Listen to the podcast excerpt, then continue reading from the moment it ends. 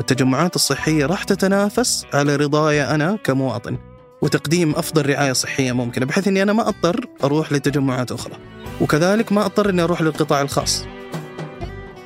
طبعا هو كتأمين صحي وطني لا يوجد له حدود أبدا سواء من علاج تأهيل مثلا العلاج الطبيعي الرعاية الصحية النفسية.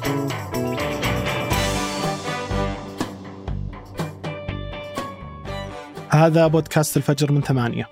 بودكاست فجر كل يوم نسرد لكم في سياق الأخبار اللي تهمكم. معكم أنا إبراهيم القرعاوي.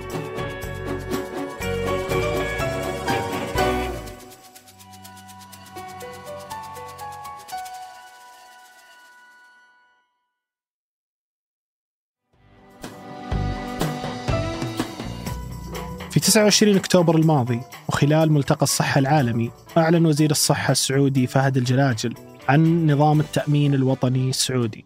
وقال في تصريحه القصير نظام التأمين الوطني السعودي سيمول من الدولة ولن يحتاج إلى التجديد سنويا بل سيمتد طوال الحياة وسيشمل تغطية طبية كاملة لجميع المواطنين السعوديين وبدون سقف سعري. أضاف الوزير في تصريحه أن بداية من منتصف 2024 سيكون هناك تأمين من خلال التجمعات الصحية اللي تم البدء بها من فترة.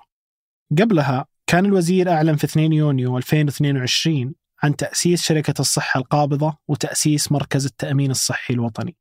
حسب إعلان الوزارة فشركة الصحة القابضة بتمتلك خمس شركات مقسمة حسب المناطق جغرافيا المنطقة الشمالية الشرقية الوسطى والجنوبية والغربية. حيث تتولى كل شركة الإشراف على تجمعات صحية متكاملة في منطقتها. لحين استقلال هذه التجمعات بشكل كامل وبالتالي تحولها إلى منظمات رعاية متكاملة. أما مركز التأمين الصحي الوطني فهو جهة وطنية بتدفع تكاليف الرعاية الصحية وتوفر التغطية التأمينية المجانية للمواطنين وجميع فئات المجتمع السعودي بدون استثناء على كل الأمراض وبنسبة 100%. أيضا من ضمن التشريعات والأنظمة الجديدة صدر الأمر الملكي في أغسطس 2023 بإنشاء هيئة التأمين واللي باشرت عملها بداية من يوم الأربعاء الماضي 15 نوفمبر تعمل الهيئة على تنظيم قطاع التأمين في المملكة والإشراف والرقابة عليه بما يدعم ويعزز من فاعليته. نظامنا التأمين الجديد في السعودية يأتي ضمن خطة برنامج تحول القطاع الصحي.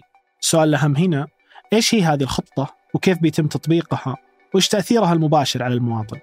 هذه الأسئلة راح أناقشها اليوم مع ضيفي وائل كابلي مستثمر ومهتم في القطاع الصحي.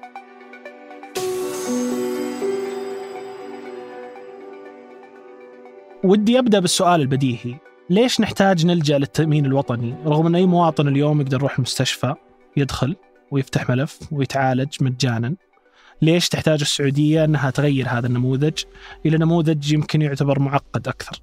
طبعا الفكرة عشان نفهم ليش نحتاج التأمين الوطني الشيء الأساسي لازم نفهم اليوم كيف وضع الوضع الحالي عشان نفهم ليش نحتاج التأمين الوطني. الوضع الحالي هو الآن بكل بساطة آه، المستشفيات في الحكومية اليوم إحنا كمواطنين سعوديين نروح المستشفيات الحكومية صح؟ المستشفيات الحكومية تأخذ آه، مبالغها وميزانياتها من وزارة الصحة. وزارة الصحة تأخذ أموالها من وزارة المالية. هذه هي الطريقة البسيطة اليوم لتوزيع الأموال. جزء من التحول الصحي اللي هو تابع لرؤية 2030 إحنا نبغى نرتقي بالنظام الصحي إلى نظام أفضل من اللي موجود حاليا. فجزء منها إنه نبغى نوزع الأموال بكفاءة أفضل وبالتالي ننهض بالخدمات بشكل جيد فالتأمين الصحي هو عبارة عن لبنة واحدة ضمن خطة طويلة فيها تحول لهذا القطاع طيب عشان نقدر نحول هذا القطاع آه، ونرتقي بالخدمات إيش لازم يصير؟ لازم كل جهة صحية كل تجمع صحي كل مجموعة آه، مستشفيات يتم تخصيص لها أموال بشكل جيد مناسب لحجم الناس اللي تخدمهم. بالتالي يرتقوا بالخدمات اللي عندهم يقدموها للمواطنين اللي اللي يستحقوا هذه المسألة. هذه هي فكرة آه، ليش إحنا احتجنا التأمين الصحي أو التأمين الوطني الصحي.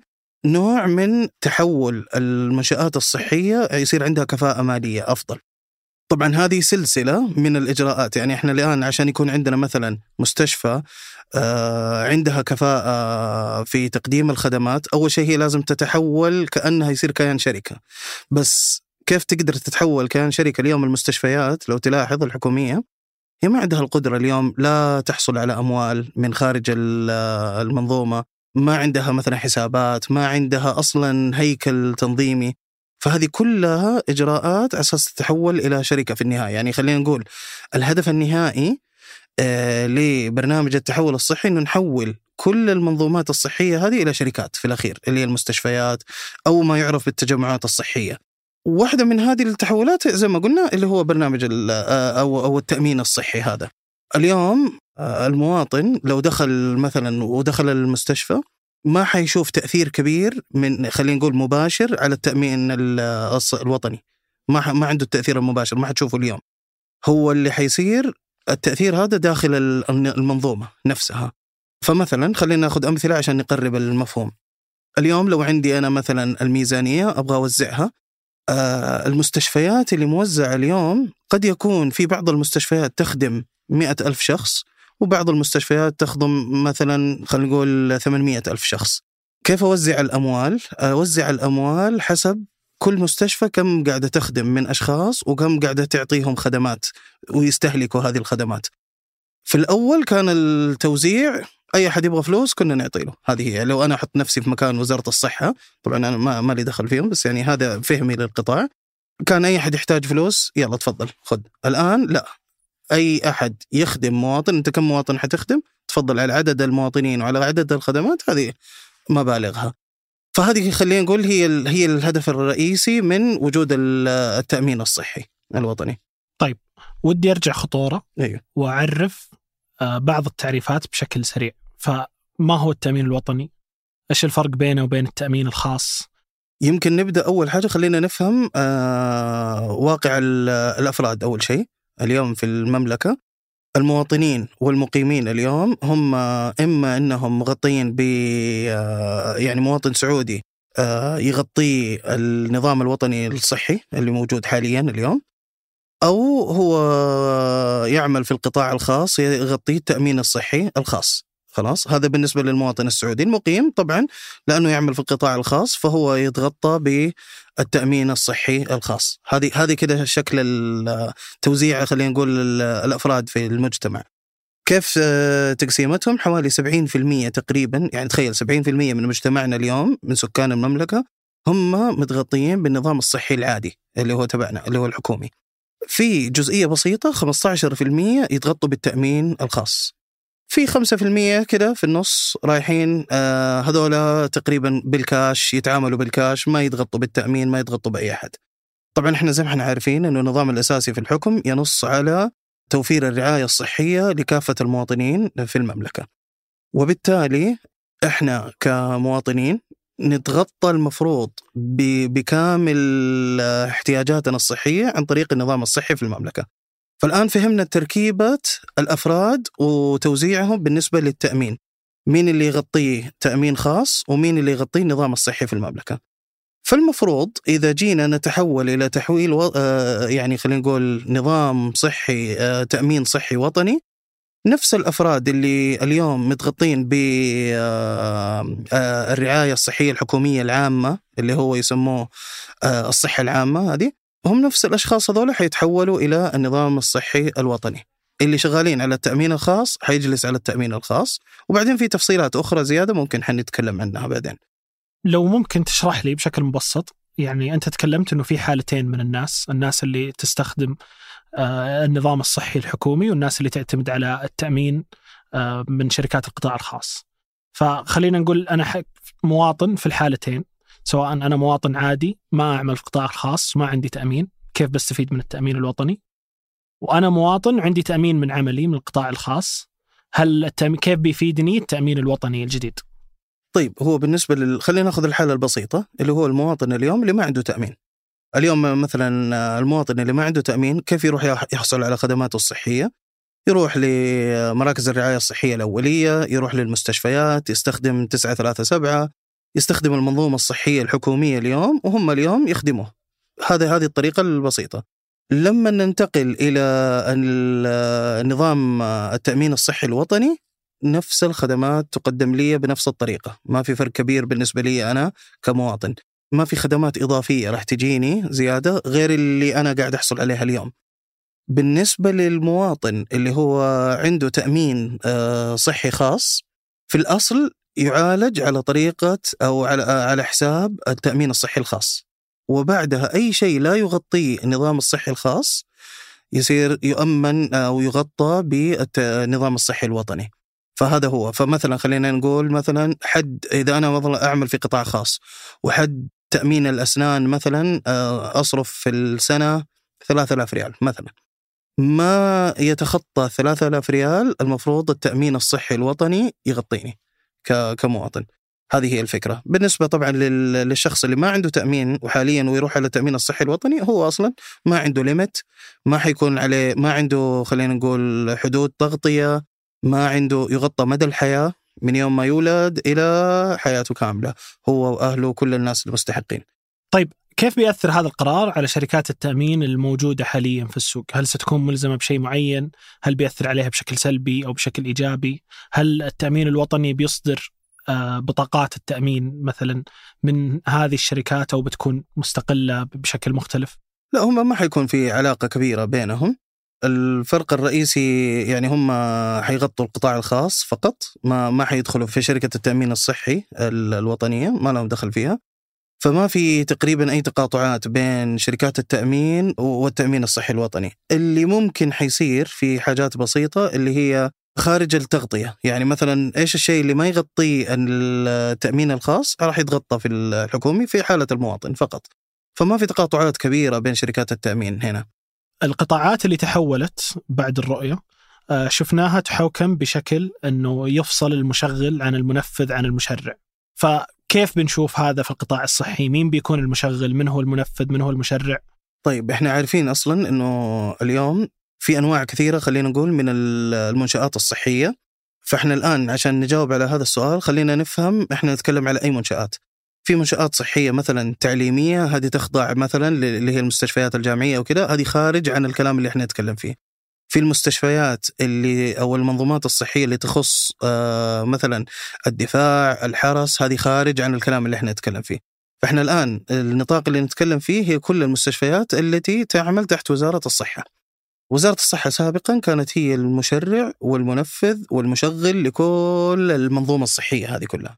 حاليا التحول اللي مطلوب من الوزارة يصير إنه أول شيء قسمنا إحنا خلينا نقول مناطق المملكة كل مجموعة من المواطنين يروحوا تحت منطقة معينة هذه سموها تجمع صحي.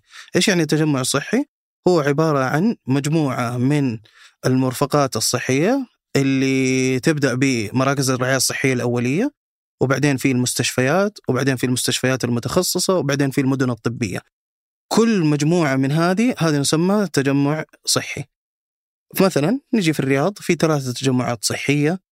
في آه، القصيم في تجمع صحي واحد في الشمال في أربعة وفي جدة في آه، أو خلينا نقول في الغربية في ستة وهكذا. فحول المملكة عندنا تجمعات صحية. الآن آه، الهدف الرئيسي أنه مع التحول الصحي بدأت تنتقل المهام من وزارة الصحة إلى هذه التجمعات الصحية. طيب ما هي أو خلينا نقول إيش هي خارطة الطريق؟ كيف راح ننتقل؟ الخطوة الأولى أنه تنشأ هذه المجمعات وهذه الخطوة الحمد لله تمت. طيب الخطوة الثانية أنه ينشأ شيء اسمه آه شركة الصحة القابضة وهذه أنشئت الحمد لله. هذه الشركة هدفها أنها تجهز كل تجمع صحي بحيث أنه يكون مستقل لوحده. حاليا هي ليست يعني خلينا نقول التجمعات الصحية اليوم ما هي جاهزة أنها تكون منشآت مستقلة بذاتها وعشان كذا هي كلها تتبع اليوم تحت شركة الصحة القابضة. الخطوة اللي بعدها الآن أنه كل تجمع صحي يبدأ يحصر عدد المواطنين اللي هو يقدم لهم الخدمة عشان يبلغ فيها مستشفى صح أو خلينا نقول شركة الصحة القابضة وبالتالي لما يوزعوا الميزانيات يوزعوها حسب هذه الأشياء. الخطوة اللي بعدها تبدأ نجهز إحنا كل تجمع صحي ليستقل بذاته. هذا طبعا إحنا هذا الكلام اللي قاعدين نتكلم فيه إلى 2030 يعني مثلا ما حنبدأ نشوف استقلال توقعاتي طبعا يمكن إلى 2028 هي مسألة طويلة الامد راح تأخذ. بس بالتالي إيش اللي شفناه إحنا الآن بما إنه كل هذه الأشياء راحت انتقلت تحت شركة الصحة القابضة وتحت التجمعات الصحية بالتالي إيش صار في وزارة الصحة؟ الوزارة صارت رقاب عملها رقابي أكثر ودورها تراقب على القطاع الصحي. ما عاد صار دورها تنفيذي زي أول. هذه هي الفكرة كلها. وهل بتكمل الوزارة هي المشرع؟ نعم صحيح. فبيكون دور الوزارة رقابي وتشريعي. رقابي وتشريعي. طبعا في اللي هو في عندنا شيء ثاني منظومة كاملة ثانية اسمها المجلس الصحي السعودي. هذا هو اللي خلينا نقول تحط فيه السياسات والأنظمة والقوانين تصدر هناك. طيب معالي وزير الصحة آه، قال انه التحول الصحي عدة مراحل وأنت ذكرت قبل آه، شوي آه، هذا بعد جزء من هذه المراحل يمكن صحيح طيب إيش اللي جاي؟ سواء من ناحية أنظمة من ناحية إجراءات، إيش التغيرات اللي بنشوفها خلال السنتين ثلاث الجاية؟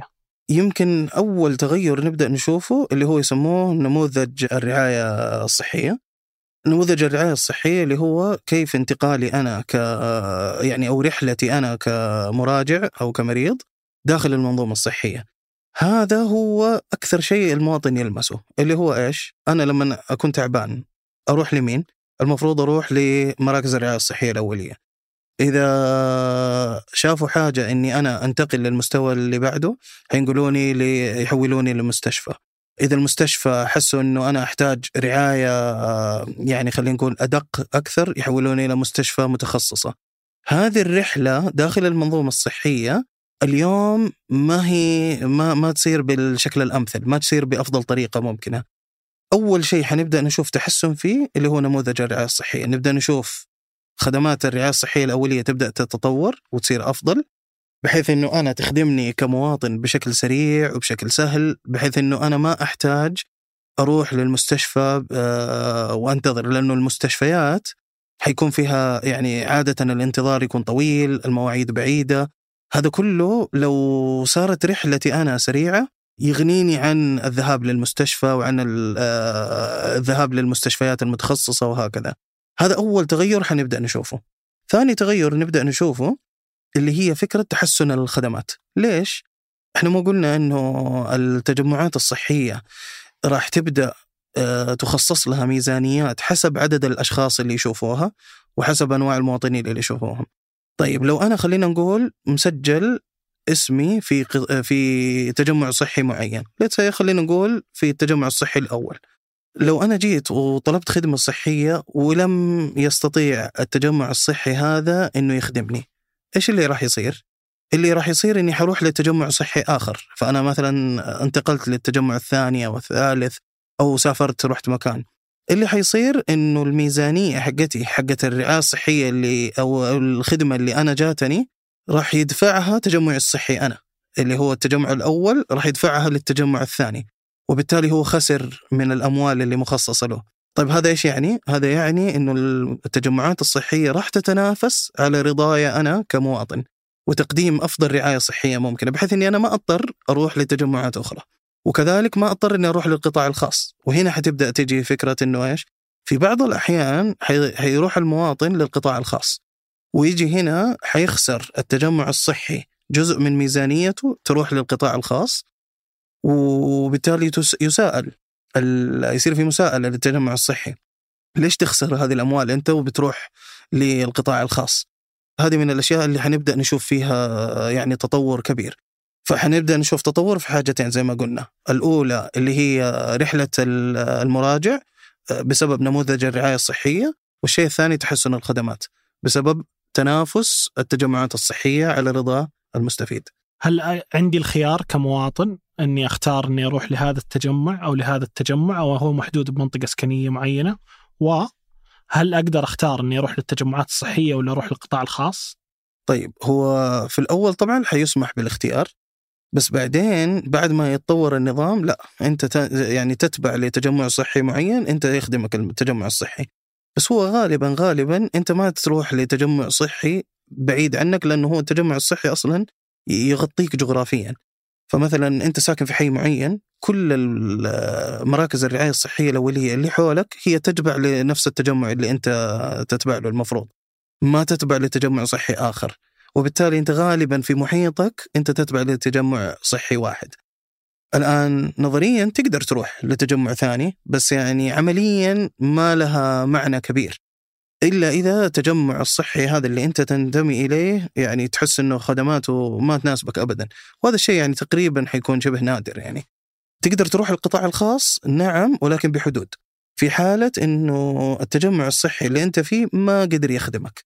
فمثلا أنت والله احتجت آه، مثلا شغلة معينة في الأسنان مثلا التجمع الصحي اللي أنت فيه ما توفرت الخدمة هذه. تقوم أروح أنا للقطاع الخاص والقطاع الخاص يحاسب الدولة تقول أعطيني من آه، أعطيني المبلغ العلاج لهذا المواطن اللي أنا جيت وتحملت تكاليفه. طيب في كلام أو كان جزء حتى من كلام معالي وزير الصحة لما أعلن عن التأمين الوطني أن التأمين الوطني الجديد يحرص على الوقاية وعلى زيادة عمر الإنسان السعودي. إيش معنى هذا الكلام؟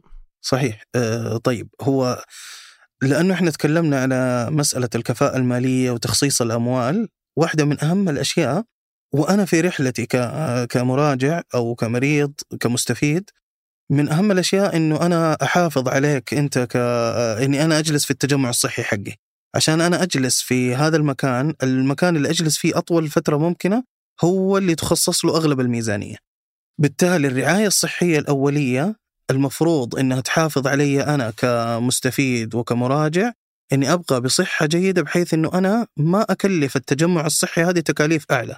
أعطيكم مثال بسيط.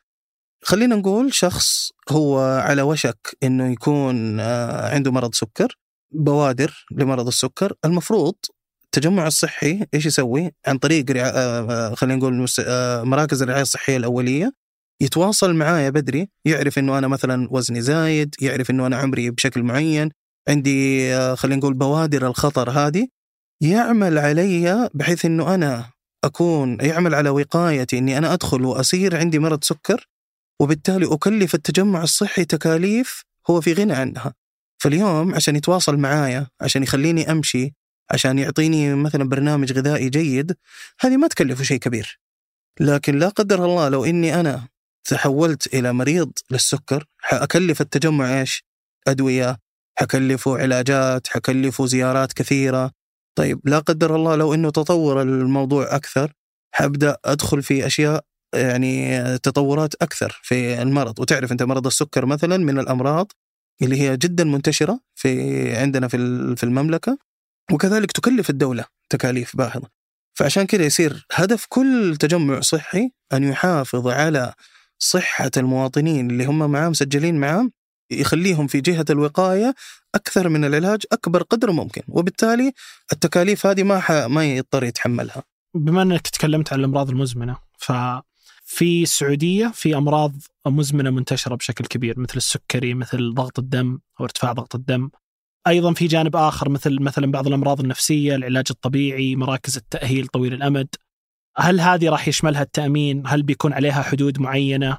طبعا هو كتأمين صحي وطني لا يوجد له حدود ابدا. يعني اليوم سواء من علاج تاهيل آه، مثلا العلاج الطبيعي الرعاية الصحية النفسية هذه كلها مشمولة داخل الخدمات اللي تقدم لك من الدولة. فما فيها حدود ما فيها أي آه، خلينا نقول تحديات هنا. طبعا تبقى بس مشكلة إحنا كيف نوزع الموارد هذه. فمثلا لما أنت تكلمت مثلا على العلاج النفسي في نقص حاد في آه، خلينا نقول متخصصين الرعاية النفسية سواء من أخصائيين أو أطباء وهكذا.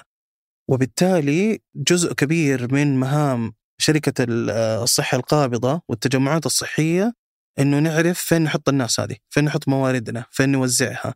والله الرياض يحتاجوا أكثر حطينا في الرياض، المدينة يحتاجوا أكثر حطينا في المدينة وهكذا. ولكن من ناحية الحدود في التغطية وكذا ما في أي فرق يعني. هذا النظام أفترض إننا ما إحنا أول دولة في العالم تسويه. فلو نبغى نشوف تجارب ناضجة أكثر لنظام مشابه لهذا النظام الصحي إيش الدول اللي طبقت هذا النظام أو تطبقه حاليا وكيف ترتيبها من ناحية نظام الرعاية الصحية عالميا؟ إحنا النظام اللي عندنا هو نظام خليط بين مجموعة أنظمة، إحنا ما جينا أخذنا نظام واحد وقلنا راح نطبق هذا النظام آه لأنه طبعا اللي يمشي على دولة معينة مو ضروري يمشي على دولة ثانية. فخلينا نقول لو إحنا رجعنا لفكرة التجمعات الصحية أصلا وفكرة الكفاءة المالية وتحديد الميزانيات بناء على التجمعات الصحية هذه كثير من الفكرة هذه جاية من النظام الأمريكي طبعا ممكن الناس يقول النظام الأمريكي إحنا نسمع عنه إنه من يعني من الأنظمة الصعبة في الرعاية الصحية وما هو جدا مناسب بس هي كفكرة فكرة توزيع التجمعات الصحية هذا كله كان جاي من النظام الأمريكي ليش؟ لأنه الدولة في النهاية في أمريكا يوزعوا الدعم المالي على التجمعات الصحية. في أنظمة مشابهة آه، مثلا النظام البريطاني هو يعتمد على فكرة الرعاية الصحية الأولية بشكل كبير. في عندنا النظام الأسترالي آه، برضو مشابه لهذه الفكرة، في نظام طبعا الكندي كذلك برضو في في تشابه هنا. آه لكن ما في نظام قاعدين نتبعه إحنا نقول إحنا نتشابه فيه 100% فمثلا زي ما قلت لك أنا نموذج الرعاية الصحية رحلتك أنت كمريض وكمراجع من الرعاية الصحية الأولية إلى بقية المرافق هذه مثلا تشبه كثير الأنظمة اللي موجودة في بريطانيا. لكن فكرة التجمعات الصحية وكذا تشبه كثير الأشياء اللي موجودة في أمريكا. وهكذا يعني هذه هذه كده طريقة التركيب اللي إحنا قاعدين. عشان نكون يعني واضحين. اي تشابه مع النظام الأمريكي هو في فكرة التجمعات الصحية وليس في فكرة التغطية التأمينية. ولا في صحيح مضبوط ما, ما لها علاقة بالتغطية التأمينية. التغطيه التأمينية هي أقرب للنظام المتبع في كندا. في كندا صحيح إي هذه التغطية تشمل المواطنين فهل القرار يشمل المقيمين أيضا ولا هو للمواطنين فقط؟ لا هو طبعا ما يشمل المقيمين يشمل المواطنين فقط. المقيمين اليوم حسب النظام هم يتغطوا بنظام التأمين الصحي الخاص. فما بيكون في تغيير جذري فيها ما حيكون في تغيير جذري. هل بنشوف جهات جديدة أخرى؟ يعني إحنا شفنا شركة الصحة القابضة مركز التأمين الوطني هيئة التأمين الوطني ومؤخرا نظام التأمين الوطني. هل بنشوف جهات أخرى جديدة أو في أنظمة آه، أخرى حتعدل أو تحدث؟ أنا ما أعتقد في جهات جديدة راح تنشأ. ما ما يعني حسب اللي أنا شايفه ما ماني شايف في جهات كثيرة راح تنشأ. ممكن يصير في تغيير في طريقة مجلس الضمان الصحي. ممكن يروح ل لأنه الآن صار في هيئة تأمين فقد يصير في يصير في ممكن يصير في دمج بينهم ممكن يصير في انتقال من بعض الخدمات اللي في نظام آه، مجلس الضمان الصحي إلى هيئة التأمين لكن وبعضها تروح لوزارة الصحة أو تروح مثلا للمجلس الصحي السعودي. يعني هذه الأشياء اللي ممكن أشوف فيها تغيير لكن ماني شايف في أي جهات جديدة راح آه، تنشأ. الله يعطيك العافية. آه شاكر لك وقتك. ويبارك لك يا رب إن شاء الله.